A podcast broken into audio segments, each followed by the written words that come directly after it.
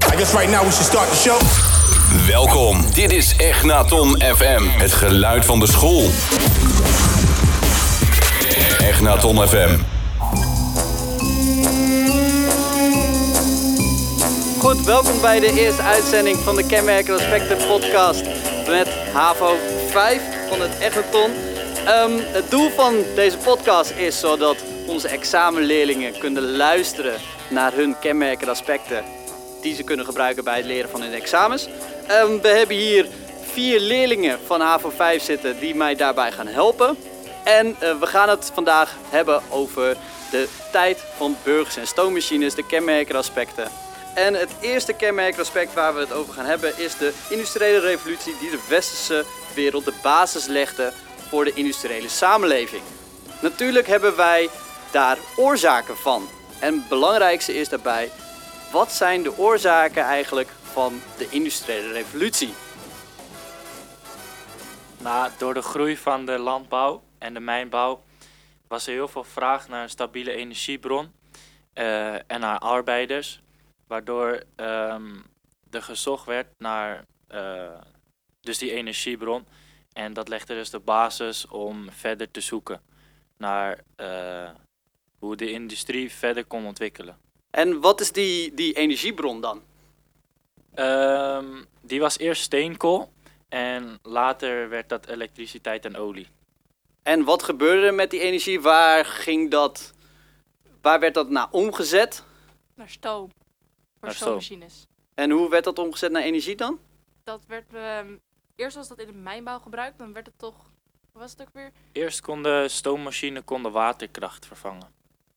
Oké, oké, oké. En wat was het voordeel dan van deze energiebron? Het, eh, je kon meer produceren, het ging sneller en was gewoon goedkoper. Eh, het leidde tot gemechaniseerde productie. En waar gebeurde dat dan meestal in het begin? Ehm, In fabrieken in Engeland. M- eh, Meteen al? Kan dat het meteen de... Niet overal, maar het begon gewoon klein in de Nee. fabriek en toen werd het... bij de landbouw vooral, Oké. Eh, mijnbouw. Die, eh, daar begon het vooral. En wat heeft dat voor gevolgen gehad dan? Eh, er waren diverse gevolgen, zoals economische gevolgen. Eh, de huisnijverheid werd verdrongen en dat ging naar fabrieks- en arbeid toe. Ehm, er was enorme toename van de productie. Ehm, want er was bijvoorbeeld ook de eh, voertuigen werden verbeterd, waardoor het sneller g- eh, getransformeer- getransporteerd kon worden. Ehm, en de prijzen daalden heel erg van de producten. En eh, mensen verhuisden naar de stad, van land naar stad, want daar lagen alle fabrieken. Er werden meer fabrieken gebouwd, waardoor er meer productie kwam. En waarom verhuizen dan de mensen naar de stad toe? Want daar staan Urbanisatie. fabrieken, dus daar is werk. Oké. Ehm, hebben we eigenlijk nog meer voordelen daarvan gehad? Ja, bijvoorbeeld de snelle bevolkingsgroei, de werkgelegenheid nam af in, in de landbouw. Er kwam kapitalis- kapitalistische economie, de wereldhandel had een grote rol, bedrijven gingen winst maken en, de, en er was concurrentiestrijd. En welk voordeel heeft dan het kapitalisme hierop gehad? Winst verdienen. Hoe kun- kan je dan meer winst verdienen, winst maken door een industriële revolutie? Door producten te verkopen. De bedrijf, Doordat vraag bepaalt hoeveel er geproduceerd wordt. Oké. De bedrijven werden ook groter, dus er werd meer geproduceerd.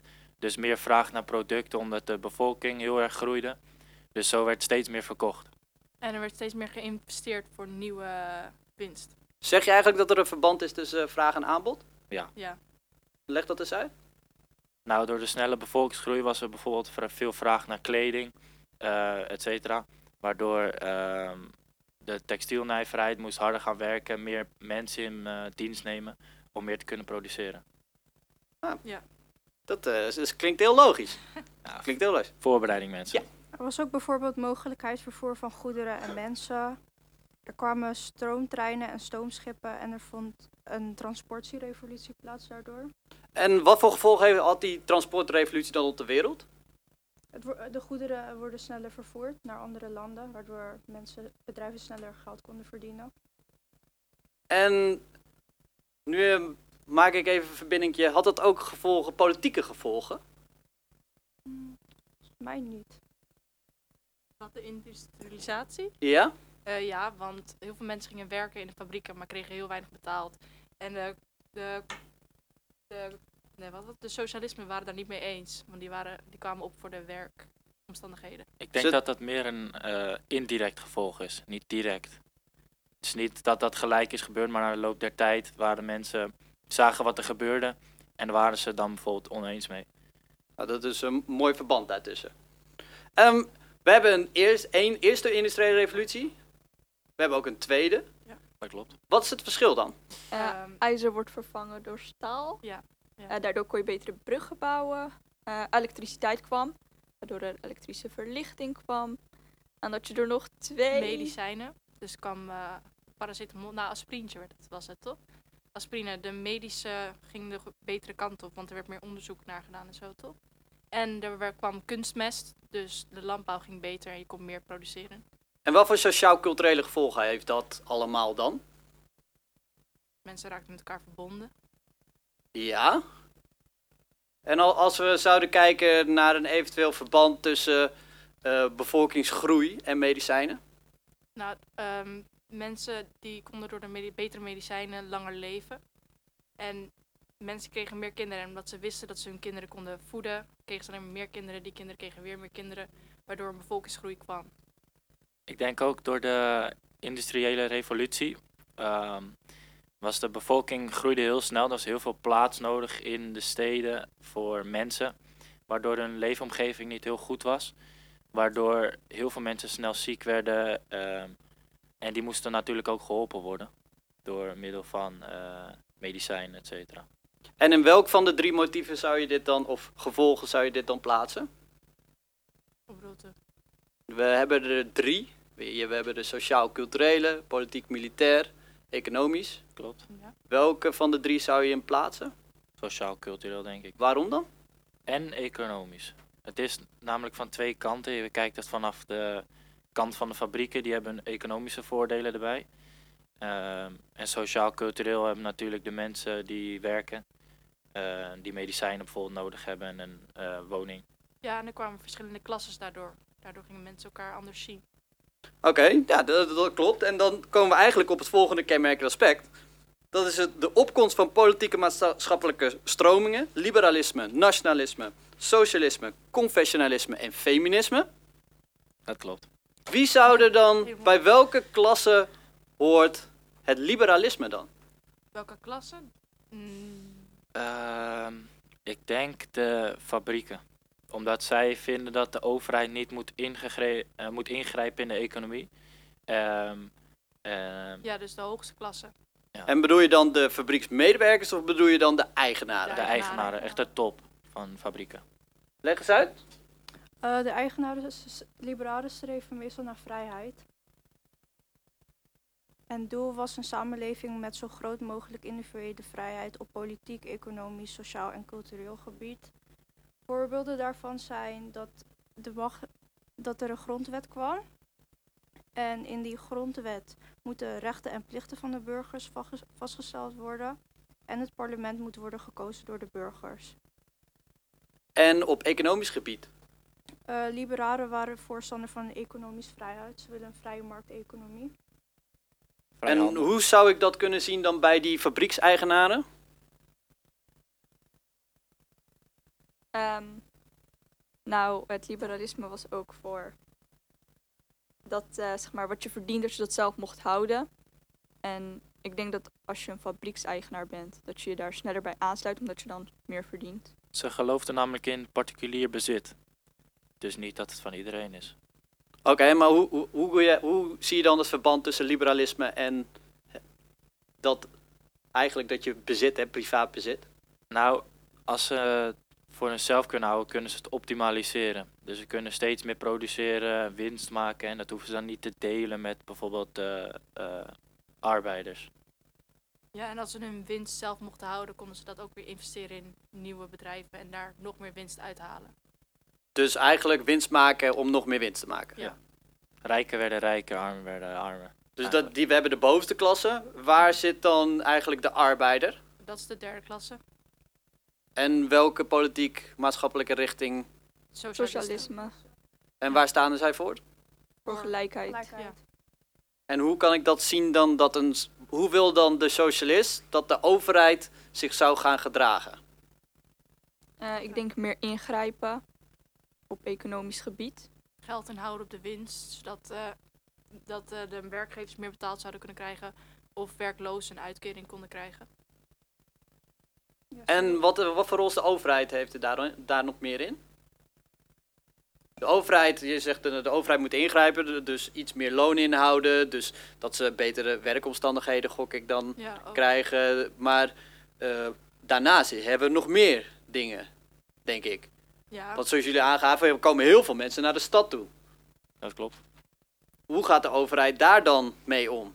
Nou, de leefomstandigheden in de stad was dus niet zo goed. Dus de overheid kon bijvoorbeeld eh, een betere milieu geven. Of huizen vergroten, zodat mensen niet zo dicht bij elkaar hoefden te wonen. En is dat dan een reden dat mensen dicht op elkaar woonden dat ze slechte leefomstandigheden? Nee, het was niet alleen dat, maar het was één van de redenen. Welke nog meer dan? Eh, geen schoon drinkwater, de hygiëne was niet goed. Lange Mensen die- werkdagen. Plassen gewoon op straat, waar de ratten op afkomen, waar ook weer ziektes van bijkomen. we hadden ook geen vakantie. Niet veel vakantie. Dus we Nou. kregen weinig loon. Wij hebben net vakantie gehad. Het is toch wel lekker om even, even eruit te gaan. Ah, superleuk grapje. Dank je. Dank je. Ehm, maar we hebben dus eh, liberalisme. We hebben ehm, eh, socialisme gehad. Welke hebben we er nog meer dan? Welke politiek-maatschappelijke stromingen komen er nog meer op? Feminisme, En wat houdt dat in? eh, gelijkheid, de positie van de vrouw in de maatschappij. Ehm, en waar gaat dat op dit moment, als we het over dit hoofdstuk hebben, ook vooral over? Vooral het politieke. Het politieke gelijk zijn, dus ook kiesrecht krijgen. En passief of actief, alsof ze, ze mogen nu, nee later mogen ze dan zelf ook in het parlement komen. En ze mogen kiezen wie in het parlement komt. En eerst mocht alleen census, mensen dat, rijke mannen die veel belasting betalen. Daarna alleen mannen en daarna mochten vrouwen zich opstellen als parlement. En daarna mochten ze echt zelf kiezen. Dus opstellen bedoel je denk ik verkiesbaar Ja, stellen. kiesbaar stellen.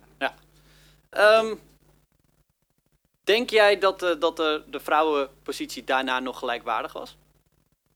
Ehm, Ja, ik vind van niet. Waarom niet? Want ehm, als vrouwen bezittingen hadden, ging het nog steeds naar de man toe.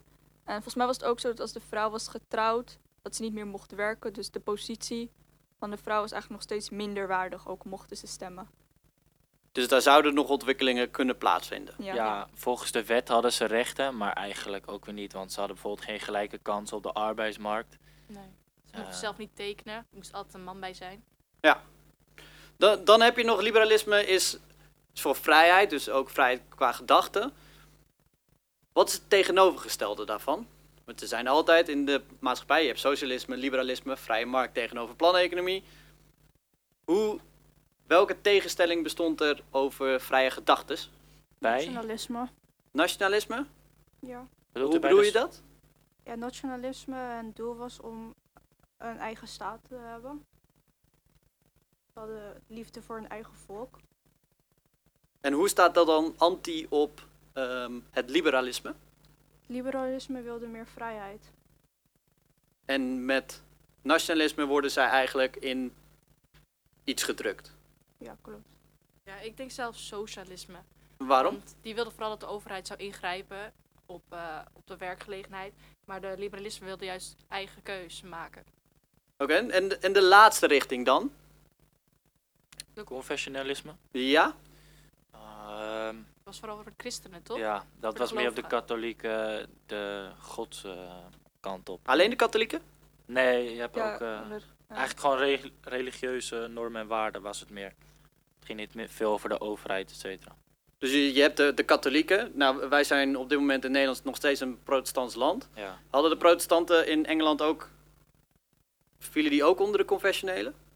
Ja. Dus hoe zou je het dan beschrijven in totaal? Confessionelen? Eh, christendom, denk ik. Christendom in totaal? De protestanten en de katholieken gewoon. Zou je meer zeggen normen en waarden? Ja, Christendom is wel... wel ja wel- religieuze normen en waarden. Dat vind ik dat, een eh, goede, algemeen. goede aanvulling. Ehm, we hebben het al gehad over het feminisme. Maar het feminisme had als doel om kiesrecht te krijgen voor de dames. Ja. Klopt. Welk jaartal? 1917 dacht ik. 1919 kregen alle vrouwen Ja. en mannen kiezen. En, en waarom was dat ook weer? Oh, eerst was het omdat eh, de vrouwen, die moesten eerst wennen. Dus ze mochten eerst alleen maar passief. Ja, Dus eerst ze was opgestapt 1917 was passief. Ja, en dan actief, wanneer Was ze een beetje hadden kiesrecht, gewend aan het idee. En hadden Alleen de gekeken- vrouwen? Moesten daaraan wennen? Nee, ook de mannen natuurlijk. Nee, maar 19, Natuurlijk, natuurlijk. Ja. 1917 mochten ze niet kiezen, maar wel gekozen worden. En vanaf 1919 mochten beide. En hoe is dat eh, het kiesrecht zich ontwikkeld? We hebben het al over consensus kiesrecht gehad. Ja. Dat is de eerste. Hoe is dat eigenlijk stapsgewijs omhoog gegaan? Nou, eh, eerst waren het dus alleen de mannen die veel belasting betaalden. Maar ja, dat waren meestal ook de mensen die in fabrieken werkten, want die hadden veel geld. Dus ze wilden eh, de, de socialisten, dat waren vooral de mensen die in de fabrieken werkten, die wilden ook kiesrecht. Dat waren dus eerst mannen. En later wilden vrouwen dus ook rechten hebben. Daarom later pas de vrouw. Dus eigenlijk eerst op rijkdom, Ja. dan mannen eerst Ja. en dan de vrouwen. Klopt dat? ja, de grens werd bepaald op hoeveel belasting je betaalde. Dus eh, hoe rijker je was, hoe meer invloed je had. Ja, klopt. Ja. Ehm, hoe is dat, wat is het verschil dan tussen Nederland en Groot-Brittannië? Qua kiesstelsel. Of was het, bedoelt u die districtenstelsel of niet? Ja, wat is het districtenstelsel? Nou, eh, Groot-Brittannië had eerst alleen maar twee partijen. En later werden, nou niet per se later, maar er werd dus steeds twee partijen. Het, ging steeds, het gevecht ging steeds tussen twee partijen wie de macht zou krijgen in het parlement zou komen. En wat is het districtenstelsel dan? Dat er maar twee partijen zijn waar je op gestemd hebt. Ik zou het niet weten. In, in Nederland, wie komt er in de, in de Tweede Kamer? Nu, of de mensen die wij kiezen. De volksvertegenwoordigers die wij de kiezen. volksvertegenwoordigers. Hoe wordt er bepaald in de Tweede Kamer wie er in de, in de Tweede Kamer komt? Er wordt toch stemming gehouden en dan degene die het minst, meest stemmen krijgt. Dat die partij mag dan zoveel zetels weggeven. En dan daaruit wordt bepaald wie er in de tweede partij Ja. komt. In Groot-Brittannië kennen jullie eh, winner takes all. Nee, Dat als jij je district wint, mag jij Alles bepalen, denk ik. in. In jouw gebied. Die district, Ja, en jij gaat als district ga jij naar, de Tweede Kamer. naar de Tweede Kamer, Hmm. Ja, Oh, hoe ze daar dat zo. noemen. de, de House of Lords en House of Parliament. Ja. Dus als jij 53% van het districtenstelsel wint, mag jij, voor 53% regeren. nee, mag jij helemaal in je district regeren. In ons parlement is het dus zo, als je 53% wint, krijg je Vijf. 53%. Nou, krijg je van de Kamer. Ja, dus je mag de denk ik helft te van de zetels in jouw partij doen. ongeveer nabij. Dat is het verschil. Ehm, dan laatste. We hebben het kiesrecht voor vrouwen gehad. Maar dat kiesrecht werd uitgewisseld met twee partijen. Welke twee partijen waren dat? Socialisme en feminisme. Dat zijn de politieke partijen, laatste? Oh nee, dat zijn geen politieke partijen. Wacht, kunt u de vraag nog opnieuw stellen? Er was een uitwisseling met kiesrecht. Welk kiesrecht, wat werd uitgewisseld tussen twee partijen? Dus wie zou er algemeen kiesrecht willen? Welke eh, politieke partij? Oh, de, de, arbeid, de burgers. Ja, en welke politieke partij? Welke richting? Welke Socialisme. stroming? Socialisme? Socialisten. Dus zij gaan iets uitruilen met een andere partij, zodat zij algemeen kiesrecht komen, krijgen. Wat was dat? Volgens mij de conservatieven gingen toch ruilen. Leg dat eens uit. Met de socialisten, ze gingen samenwerken. Ze gingen Oh, een ja. partij samenvoeren. Zodat ze meer stemmen konden verdienen. Jij, hem- was dat de conservatieve? Ik denk eerder de socialisme en eh, het feminisme. Feminisme is niet een, een politieke stroming, Oh, ik bedoel dat. volgens mij. Dus Nee, ik begrijp nu wat ik bedoel. Confessionele Ja?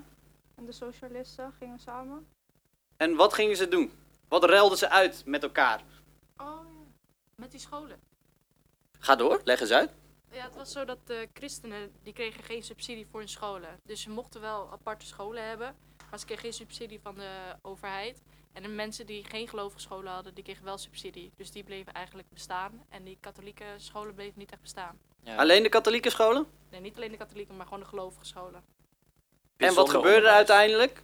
Uiteindelijk werkten ze samen en toen kwam de socialisme, er kwam een socialist kwam in, de, in de kamer. En die kwam toen op voor hun. Toen kwam En de zij kre- schoolstrijd, toch? Ja. Dus, Dat ze het financieel gelijk stellen van bijzonder onderwijs en eh, openbaar onderwijs. en wat ruilden ze? Wie kreeg daarvoor iets terug? Eh, bijzonder onderwijs. Ja, wie kreeg daar? Wat bedoelt met Welke wie? partij? Welke stroming? Oh, de socia- socialisten. Nee, confessionalisme. Oh, Die ruilden met de... Socialisme. socialisten. Wat ruilden ze daarvoor uit? Weet ik echt niet. Wat kregen de socialisten? Weet ik echt niet. Ehm, ik zou het niet weten. Weten we nog? Feministisch. Meer recht misschien? Welke recht? Kiesrecht. Kiesrecht. Oh, was dat weer raar? Dat is een ruil. En dat noemen wij de pacificatie van 1917. Ah, oké. Goed. Ik denk dat, eh, dat we het ongeveer wel besproken hebben. Heb ik dingen vergeten? Nog aanvullingen op? Dan wil ik jullie echt heel erg bedanken voor jullie tijd. En voor het gesprek dat we gevoerd hebben. En dan hoop ik jullie de volgende keer weer te zien. Ja, hopen wij ook hoor. Ja, ja. Dus, ah.